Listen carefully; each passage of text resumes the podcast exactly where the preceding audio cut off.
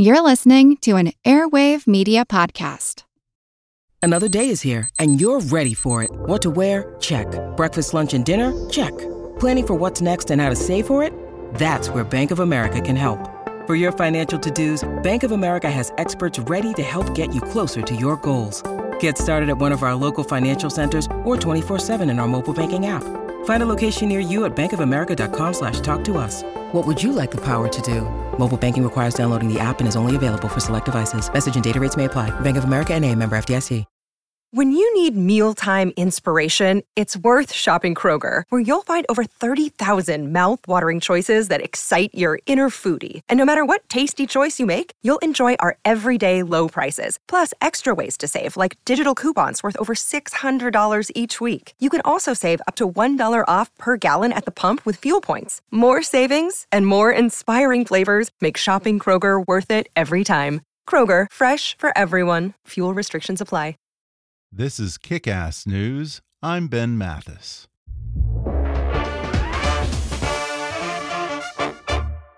When you need energy on the go and don't have time to wait in line, grab Espresso Monster. Espresso Monster is a premium blend of espresso and cream made with freshly brewed espresso coffee, hormone free milk, and a unique energy blend complete with taurine and B vitamins. Each can has three shots of espresso and comes in vanilla espresso and espresso and cream flavors. I had one this morning before I came into the studio, and let me tell you, it gave me just the boost I needed to get my day going. Plus, it tastes so delicious, I'd drink it anyway. So close your eyes, take a sip, and enjoy Espresso Monster today. And now, enjoy the podcast. Hi. I'm Ben Mathis. Welcome to Kick Ass News. When it was first announced that former Trump White House staffer Cliff Sims had signed a million dollar book deal, many people's first reaction was, Who? That's because, unlike others in Trump's orbit who routinely make the round of Sunday morning talk shows and feed sound bites to cable news channels on a daily basis, Cliff Sims kept a low profile. Given the long list of ex White House staffers who broke the cardinal rule in Trump world never upstage the president, perhaps Cliff Sims' lack of an agenda and aversion to showboating account for why the president took a liking to him. In fact, in his new book, Team of Vipers My 500 Extraordinary Days in the Trump White House, he says he even considered the president a friend. And today he comes on the podcast to talk about that unusual friendship and the bizarre office politics that he describes as a cross between Game of Thrones and Veep. He shares the real life story behind the fiasco around Trump's inauguration attendance, why the administration takes chaos, infighting, and disorganization to a whole new level, and how many times the president's senior staff learn about major policy decisions on cable news or worse, Twitter. He recalls helping draw up Trump's notorious enemies list, how he learned that Kellyanne Conway was leaking information to the press, and why he believes former White House Chief of Staff John Kelly had it in for him. He discusses how he reconciles his own conservative evangelical values with the president's less than Christian behavior, how he came to grips with the hard learned lesson that everyone is disposable to Donald Trump and how he feels now that the president has disavowed him and his book in typical Trump fashion via angry tweet. Plus, the mooch is on the loose, Sean Spicer needs a refrigerator, and the greatest mystery of all Donald Trump's hair. Coming up with Cliff Sims in just a moment.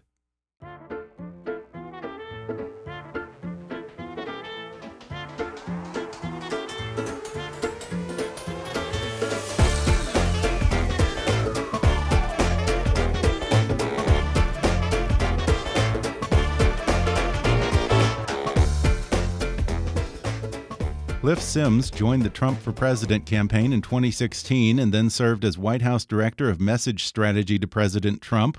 He says if Lincoln had a team of rivals, President Trump has a team of vipers. That's the title of his new book, Team of Vipers My 500 Extraordinary Days in the Trump White House. Cliff Sims, welcome to the podcast. Uh, thanks for having me. Glad to be here.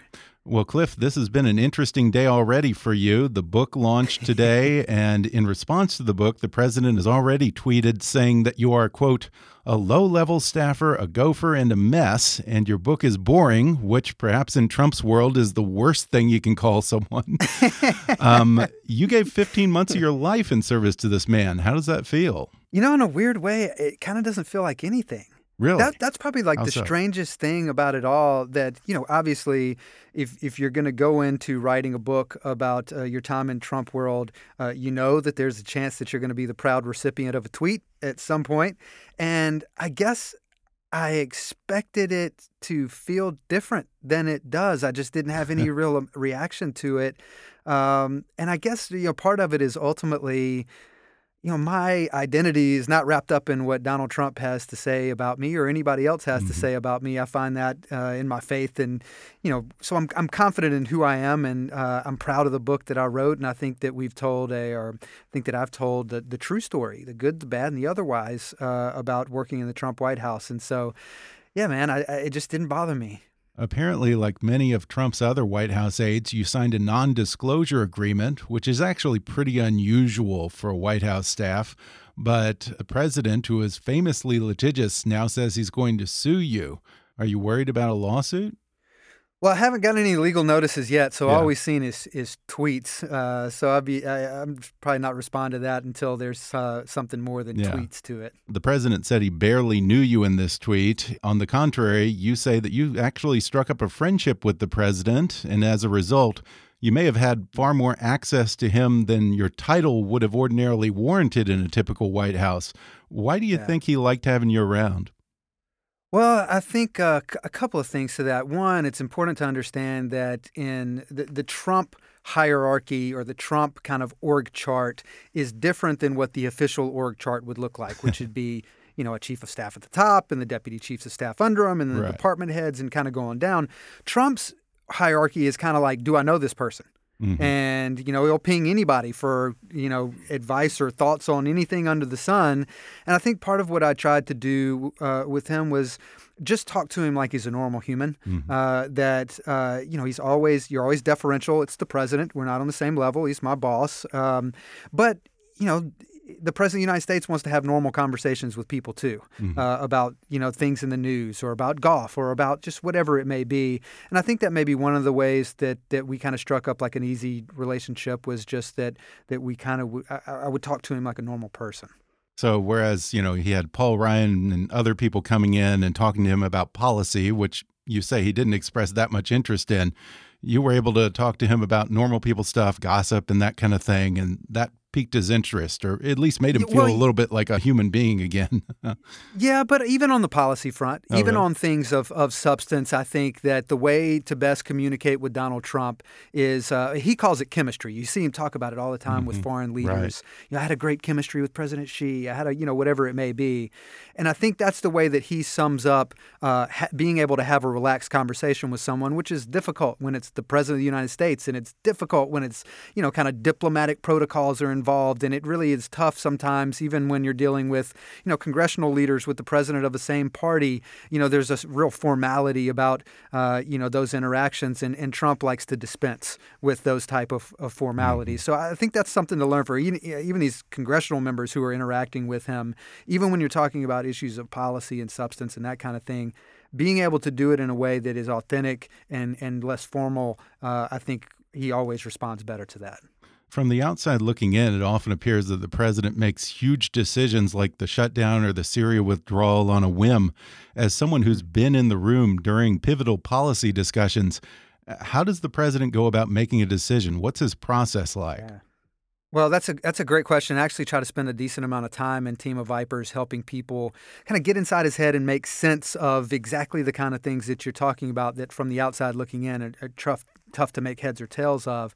And one of the things that I I think I've really learned in interacting with him, he always has a gut level instinctual response to whatever it may be. And he's going to more often than not go with his gut. He really trusts his his gut level instinct, and so he starts from there. And if he ends up changing his mind, it's going to take a lot of effort. He's going to have to be presented with some very compelling ev- evidence, usually evidence that is basically framed in a way that, hey, this is why it is in your best interest to do it, mm-hmm. you know, differently than what you're thinking about here. But more often than not, this style of shooting from the hip and making very important policy decisions based on his gut instinct has not served him well, and he wastes a lot of time and political capital for nothing. The government shutdown being a perfect example. Does he not realize how counterproductive that is to his own agenda? But I, I do think that that um, you know this kind of gut level reactions and and policy making has its good and bad side to it. I think a lot of people focus on the kind of chaotic negative aspect of that, uh, which I'll get into in a second. But one of the positives of it is I think that um, you know his kind of freewheeling, uh, creative chaos type style does sometimes lead to better decisions. He puts people in a room, lets them argue in it, lets them argue it out. Uh, he's thinking big. He's trying to do big things, and and and so I, I do think there's some positives to it. The negative is once the president makes a decision the the federal leviathan uh, is so big that there have to be really good processes in place by which the president's directives get implemented. Mm-hmm. That's where sometimes we see a breakdown. Uh, in this presidency, and and I think it probably manifested itself right out of the gate of those who remember the uh, the so-called travel ban that right. um, you know, he tweets it out or it, it, you know, they start rolling this policy out and the federal government, the hundreds of thousands of people out there TSA or Homeland Security or whoever it was that have to implement all these things, they were not ready for the process that goes along with such a sweeping directive. On the lighter side, you recount some of the more farcical moments during your tenure. In fact, you describe working in the Trump White House as something like Game of Thrones, but with the characters from Veep. What's the most absurd incident you can recall? Well, probably my favorite chapter in the entire book is uh, titled "The Mooch is Loose," and that eleven days you could you could write an entire TV series off of those you know 30 pages in the book because yeah. it's just like uh, just unbelievable stuff that was going on behind the scenes there. But the other one that I always remember is I get a phone call at like you know 9:30 at night or something like that. A colleague of mine is still at work across the street from the White House in the Eisenhower building where most of the White House staff works, and he said, "Man, I just saw the weirdest thing." He said, I just saw Sean Spicer toting a mini fridge out of the EEOB with a cord like hanging out behind him. Like, I don't know. So turns out Sean Spicer is like in an argument with some lower level staffers in the Eisenhower building over who was going to get to keep this mini fridge. And he basically hijacked it after they left work one night. and so that's the, when I say the characters from Veep, that's, uh, yeah. that's the kind of things I think of. And you admit that you had issues with Spicer and a number of other Trump staffers. In fact, you once helped Donald Trump craft his so called enemies list. Mm -hmm. But bizarrely, it wasn't like Nixon's enemies list, where it was targeting his enemies outside the administration. Trump's mm -hmm. list consisted entirely of enemies from within. Who was on that list? And are some of them still working in the White House today? Yeah, well, let me paint a picture for your listeners here. Please. You know, there was a, was a time early on in the administration when the president was reading a lot of anonymous quotes from White House officials criticizing him and he's looking around and he's saying, Who are these people? These people supposedly work for me. Like, who is doing this? And so I basically gave my two cents on on who I thought that those people were and kind of how I framed that up was, you know, it was a group of people who abandoned you in the campaign and then they came into the White House, and now they're you know bailing on you again when time get times get hard. And so I listed a number of people in there, whether it be you know Sean Spicer or Reince Priebus and uh, some others that your listeners probably would have never heard of, but staffers in various parts of, of, of the White House who I witnessed in meetings criticizing Trump and rolling their eyes and you know whatever. And in retrospect, it's one of those moments that, that I regret. Uh, even though I didn't lie about anyone, I gave my honest assessment and that kind of thing. In retrospect, um, I, I had gotten myself caught up. When I say team of vipers, you know, there were times when I was a viper too. And so here I am creating this enemies list that consists of my colleagues. And I just don't think there was anything honorable about doing that. And so I try to be very open and transparent and honest. If if I'm going to talk about other people, the president and other staffers, and give honest assessments of what I saw, I need to be able to, to do that about myself as well. And that's one of the moments in the book where I, I try to do that. Well, I do want to give you credit for that. And I think your willingness to be self critical and open up about your own mistakes actually lends more credibility to your story. You admit that you share part of the blame for some of the administration's mm -hmm. more notable blunders. Is mm -hmm. there one that stands out in particular? Whew, well, the one I remember the, the most is the first one. Yeah. Uh, the first day we were in the White House, uh, Sean Sp Spicer infamously goes out and gives this statement where uh, he says that Donald Trump had the largest election or inaugural crowd in history and, and that kind of thing. And what people didn't know is behind the scenes is I wrote that statement. Mm-hmm. And, you know, in, in our defense, if I can a little bit, you know, we're sitting in the press secretary's office and we've been given this directive to push back on this narrative. And we're sitting there with the head of the inaugural committee and he's given us a lot of different numbers and stats and figures and facts and I'm kind of compiling it on on my laptop. And the argument that I kind of landed on was like, okay, we can look A B at the pictures here. We can tell the Obama inaugural crowd is bigger. Uh, but gosh, it was a clear day. It was rainy on Trump's. I mean, there's a lot of reasons for that. But right. ultimately, we said, you know what? The internet is is so much more widespread than it was in 2008. There were more people watching online, certainly. So yes, it probably, by objective measure, probably was the most watched inauguration in history by virtue of that. Sean leaned a little bit further into the old the in person aspect of, of that than yeah. we uh, we initially wanted to. But you know, whatever. We place blame where we want to, but mm-hmm. I certainly share uh, some of it. And, uh, you know, behind the scenes, I was embarrassed by that because here I was, you know, in this dream job and oppor- op- opportunity to work in the White House for the President of the United States. And the first piece of work that I put my hands to is just an utter debacle. That's one of them. now, you single out Kellyanne Conway for particular scorn as the queen of all leakers in the White House. At one point, you're on her computer, even writing a statement about leaks, and you actually claim that you saw evidence right there on her computer that she was leaking to reporters. What kind of things did you see? Yeah. Well, so this is uh, where the host of Morning Joe had said that in the breaks uh, when during the campaign, uh, when they weren't filming, that Kellyanne would say, you know, I just wish I could take a shower, you know, whatever. I'm, you know, disgusted to be working for Donald Trump or whatever. And so when they said that on the air, she calls me up to her office as the messaging guy and, hey, let's craft a statement to respond to this. So I'm sitting on her Apple laptop and she's sitting at her desk typing away, texting away on her iPhone and forgets that her texts are linked, uh, that the iMessages are linked. So I'm watching uh, her talk to various reporters from CNN and you know, a, bunch of others that the president would call fake news. And she's criticizing her colleagues, uh, saying, you know, bad things about Sean Spicer and Reince Priebus and, uh, and Jared Kushner and saying that the president, you know, basically kind of portraying him in a negative light, that he's a child that she has to babysit and like that kind of stuff. And at the time, I just I didn't know what to think of it because, like you said, I'm trying. I'm supposed to be writing a, a statement defending Kellyanne from doing exactly what I'm watching her do right here, and I guess I was just kind of offended by it. Mm-hmm. Um, you know, I think every single White House staffer always has the option to, to leave and, and to quit. And, and I think that there can be honor in that, that if there are things that happen that, that you disagree with on such a profound level that you feel like you can no longer work there, then it's totally okay to quit. I think that Secretary of Defense Mattis did that. Uh, when he said, you know what, what's happening with Syria right now, I can no longer work here because I'm so out of sync with the president. What I don't think is honorable is being the so called resistance on the inside. Uh, this man was ultimately elected president by 63 million Americans. And to subvert the wishes of the duly elected president of the United States uh, as a staffer of his, I think sets a very dangerous precedent. Uh, and in some ways, I've seen that be celebrated, that it's somehow this like act of patriotism if you would subvert the wishes of the president just because you disagreed with him and um, and so I didn't like that, and uh, so that stuck with me about her. Mm-hmm. And so what's interesting is that's gotten probably more coverage than anything in the book, and um, and I don't really say a whole lot else about her in the book. It's really one of the few scenes there, and people think I set her on fire throughout the book. I really don't. It's really just that that one anecdote. Well, I want to ask you something because it seems to me that no matter what, Kellyanne is the one person in the administration who seems to have total job security and complete immunity mm. no matter what. Why do you think that is? Does she have something on the president yeah, or what's going on? Well, I think what it ultimately is, one thing that that will never go out of style in Trump world is someone who is willing to go on TV and defend him to the death publicly.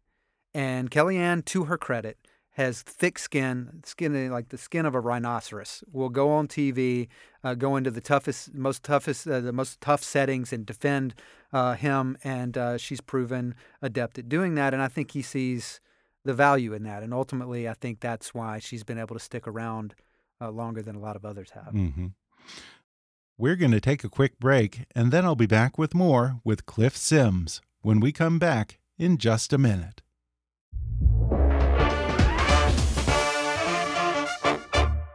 If there's something interfering with your happiness or preventing you from achieving your goals, BetterHelp Online Counseling can help. BetterHelp offers licensed professional counselors who are specialized in issues such as depression, anxiety, relationships, trauma, anger, family conflicts, LGBT matters, grief, self esteem, and more. Connect with your professional counselor in a safe, private online environment and get help at your own time and at your own pace. Anything you share is confidential, and it's so convenient you can schedule secure video or phone sessions as well as chat and text with your therapist. If for some reason you're not happy with your counselor, though, you can request a new one at any time for no additional charge. Best of all, it's a truly affordable option. Kickass News listeners even get 10% off your first month with the discount code KICK. So why not get started today? Go to betterhelp.com/kick. Then simply fill out a questionnaire to help them assess your needs and get matched with a counselor you'll love. That's betterhelp.com/kick. Hey folks, Valentine's Day is just around the corner, and if you're like me, you know how hard it can be to come up with a great Valentine's gift that's personal and actually shows you put thought into it. If you want something that's a reminder of the special memories in your relationship, check out Homesick Candles. Homesick Candles' unique scents reflect all the U.S. states and dozens of cities around the world. They're a thoughtful way to tell the story of your relationship's journey. Each candle is made from a natural soy wax blend and comes in a beautiful gift box. Their new First Kiss candle even lets you celebrate the spot where you shared your first kiss. Just go to homesick.com and check out their First Kiss Finder to pick yours. I'll never forget, my wife and I shared our first kiss on an October night in Pasadena, California. And every time I light Homesick Southern California candle, that distinctive smell of orange blossoms and jasmine in the night air brings all those memories flooding back. Another place I've spent a lot of time over the years is Austin, Texas. Every time I light Homesick's Austin candle, the pine scent reminds me of swimming in Barton Creek. The hints of cedar wood take me all the way back to my boyhood at summer camp in the Texas Hill Country. And the notes of musk and leather even remind me of the night my wife and our friends went bar hopping along Austin's famous 6th Street. That's because none of our other senses have the power to evoke a special memory, a sense of time and place like scent does. Maybe even a moment from long ago that you might have thought you'd forgotten. That's what makes homesick candles such a brilliant idea. I'm already thinking about which candles to get for my friends' birthdays, for my brother, and my parents' anniversary, because a gift that actually has meaning to someone is priceless. So go to homesick.com, and for every classic size or three wick candle you purchase, you'll get a free mini candle of your choice. Just pick your favorite memories and candle, add them to your cart, and for each classic or three wick, you can add your choice of any mini candle for free. All you have to do is enter the code KICK at checkout. That's homesick.com with promo code KICK for this awesome deal. One more time, homesick.com and promo code KICK. This great offer is only available until February 15th, so order now. And now, back to the show. You worked under two White House chiefs of staff, mm -hmm. Reince Priebus and John Kelly. Who do you think was more effective in that role? John Kelly. Mm -hmm. I, I, mm-hmm. don't think there's any doubt. And look, I, you know, if you read the book, you know I have uh, plenty of my differences with John Kelly, but uh, he was able to. Um, well, I'll tell you, when he first came, I was very optimistic uh, about him because it had been so chaotic and there were no processes in place, and it was just, you know, the Wild West Wing, as we used to call it, the Wild Wild West Wing. And John Kelly comes in, and here's a military guy, uh, and he's going to instill order on this place. And some of that stuff was needed, and some of that stuff was really healthy for the president. I think the president liked it that uh, there was a more structure, there were more structure in place, and I was optimistic about that. And then over time, though, uh, my view of him kind of eroded. That uh, I think that he kind of got caught up in it in a way that I did and others did. Uh, the kind of factionalism of it all. uh, and that kind of broke down. Ultimately, I, I, I've wrestled with this. So, the job of chief of staff with this particular president very, very difficult. I think that the, the press secretary probably has the toughest job, the chief of staff probably uh, right behind that. But ultimately, I think what the, the White House needs is someone who views themselves as the chief of staff, not the chief of the president and staff. The mm-hmm. president's going to do what the president's going to do. He's got a style that he has had for decades, long before he came to the White House. He did it in business, and he's brought it into the West Wing now. But the staff needs leadership. That was lacking under Priebus.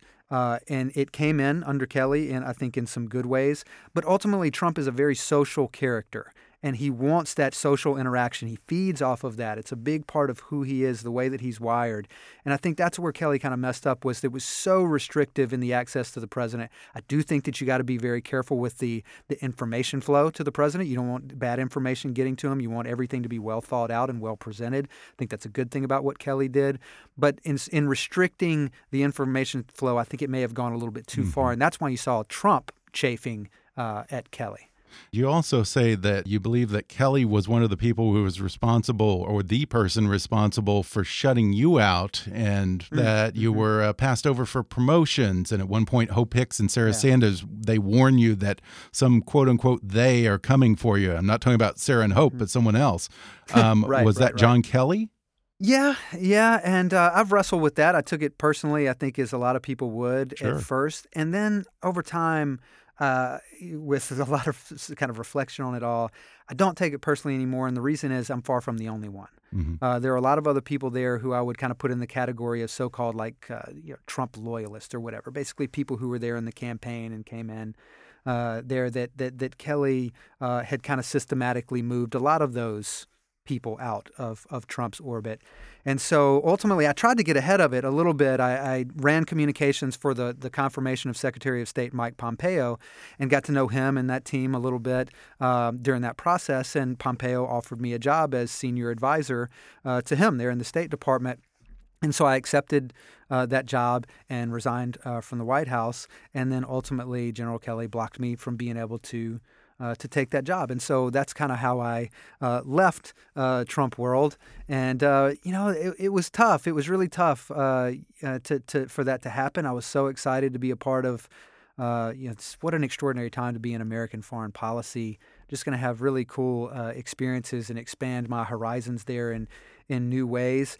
And one of the other things, you know, when I was talking to, to Secretary Pompeo about the job, and he asked me why I wanted to leave the West Wing, and I said, you know, I remember you know what it was like to be on a team. I played basketball in college, and I remember when you know tough times usually bring teams together, and that never happened in the West Wing, and it's unfortunate. But it's you know, I mean that's why the book is called Team of Vipers, you know. So there's a lot of you know it's a tough atmosphere, and I felt like he was really trying to build a team where there was going to be a real, as he called it, a, a esprit de corps uh, there at the State Department, and so I wanted to be a part of that, and so I hated not to be able to, but uh, you know God had other plans.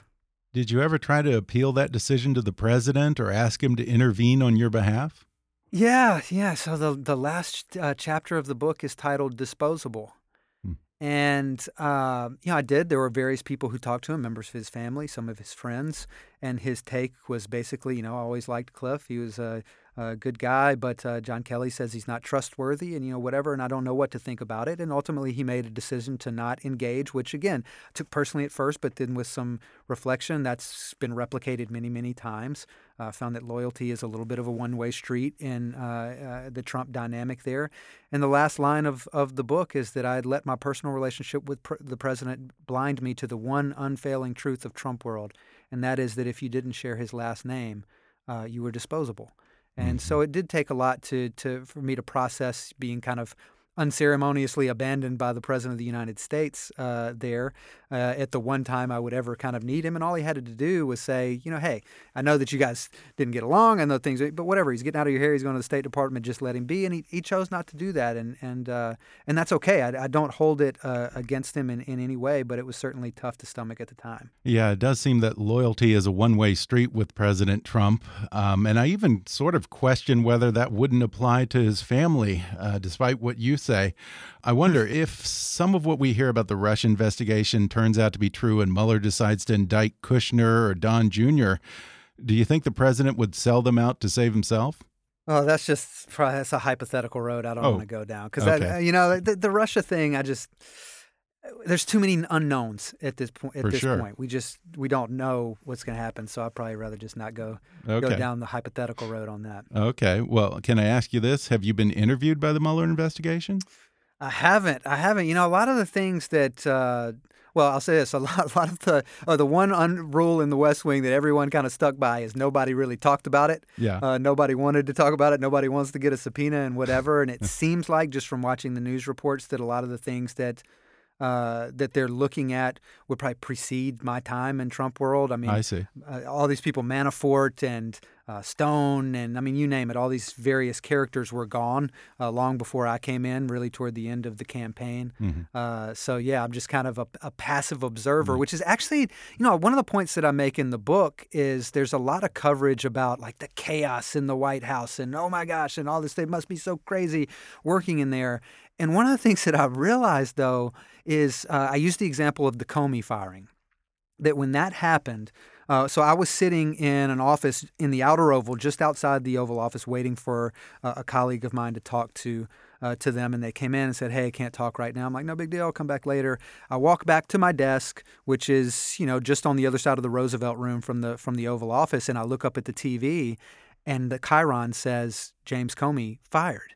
So the point of that story is I was 15 steps from the Resolute desk inside the Oval Office, and even I watched that unfold on television. So imagine what it's like for the 350 White House staff who were over in the Eisenhower Executive Office building. They watch it, they find out a lot of this stuff on the news the same way that a lot of other people around the country do with the TV muted uh, in the office wherever they happen to be. So it's really a small group around the president who experiences a lot of these things and kind of the chaotic real time way uh, with him, and then everybody else kind of watches it on TV. And I think certainly the the kind of Russia investigation is one of those where almost everyone there is a, a passive observer on television, the way that that everyone else is. hmm Now, we were just talking about Trump's family, and you actually take exception to the media's portrayal of a cold, loveless marriage of convenience between the president and the first lady. What were your impressions of that relationship? Yeah, I think that is one of the great misconceptions that uh, Melania Trump is like on the second floor of the White House residence tapping SOS on the window, just hoping somebody hears her and comes and saves her up there.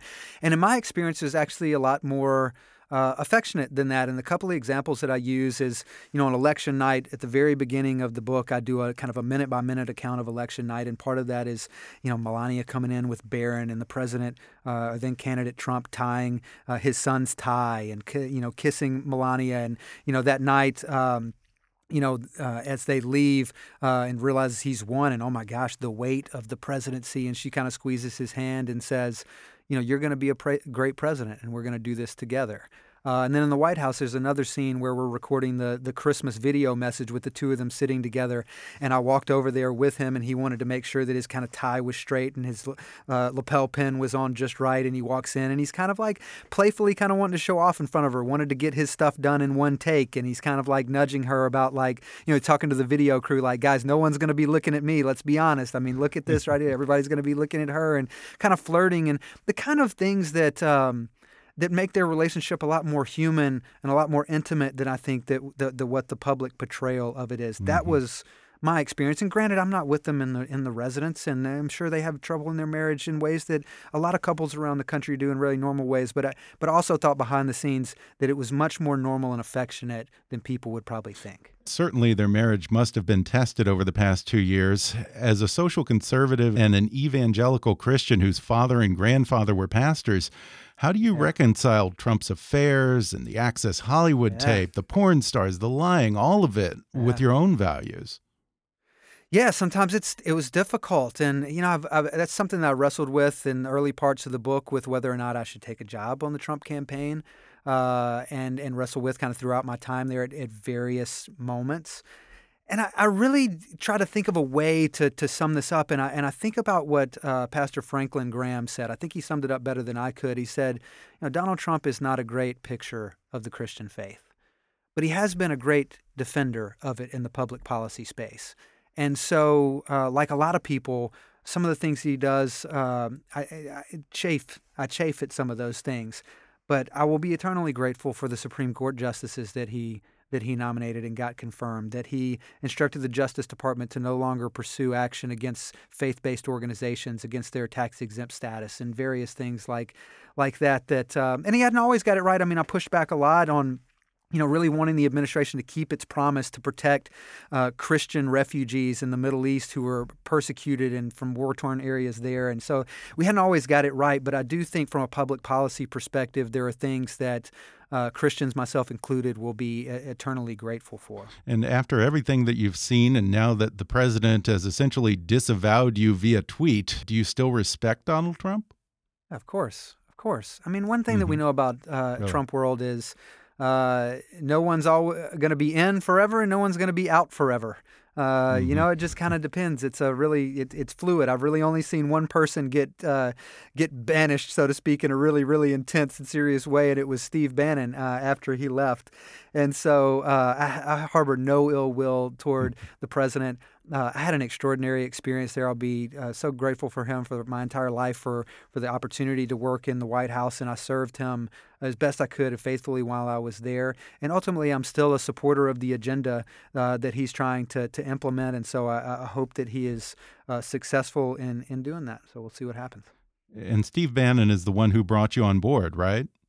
No, it's really more Jeff Sessions. No? Uh, yeah, Jeff oh, Sessions when and I, because uh, I'm being an Alabamian, I had known him, covered him at my news outlet uh, in Alabama for for many years, and so he was kind of my segue into uh, the Trump administration. But Steve Bannon, in a pretty funny scene at the beginning of the book, was one of the first people that I, uh, I met there in, in Trump Tower. Okay. Well, I have to ask before we go with all the chaos, the infighting, and the revolving door, and just constant turnover within the administration, doesn't that all fall on the shoulders of the man at the top? I thought he was going to hire the best and the brightest. What happened? Yeah, you know, I've heard it said that uh, that every president gets the White House that he deserves.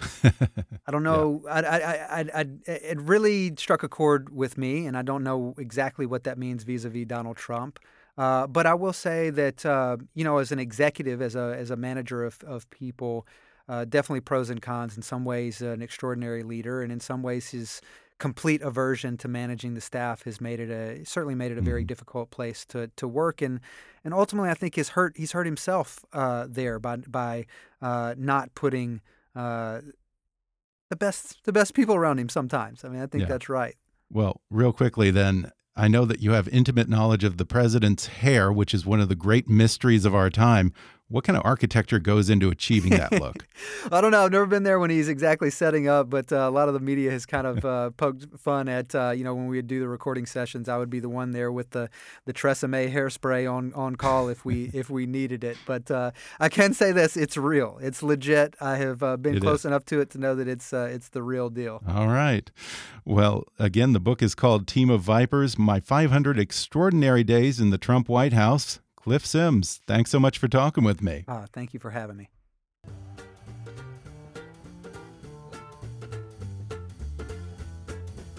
Thanks again to Cliff Sims for coming on the podcast. Order his book, Team of Vipers My 500 Extraordinary Days in the Trump White House on Amazon, Audible, or wherever books are sold. Whatever struggles you're facing, from depression and anxiety to trauma and grief, BetterHelp can connect you with a professional counselor in a safe and private online environment. It's so convenient you can schedule secure video or phone sessions as well as chat and text with your therapist. And anything you share is completely confidential. Best of all, it's a truly affordable option. Kickass News listeners even get 10% off your first month with the discount code KICK. So why not get started today? Simply go to betterhelp.com/kick and fill out a questionnaire to get matched with a counselor you'll love today. Again, that's betterhelp.com/kick. If you haven't already, be sure to subscribe to Kickass News on iTunes and leave us a review. You can follow us on Facebook or on Twitter at, at KickassNewsPod. And as always, I welcome your comments, questions, and ideas at comments at kickassnews.com. I'm Ben Mathis, and thanks for listening to Kick Ass News.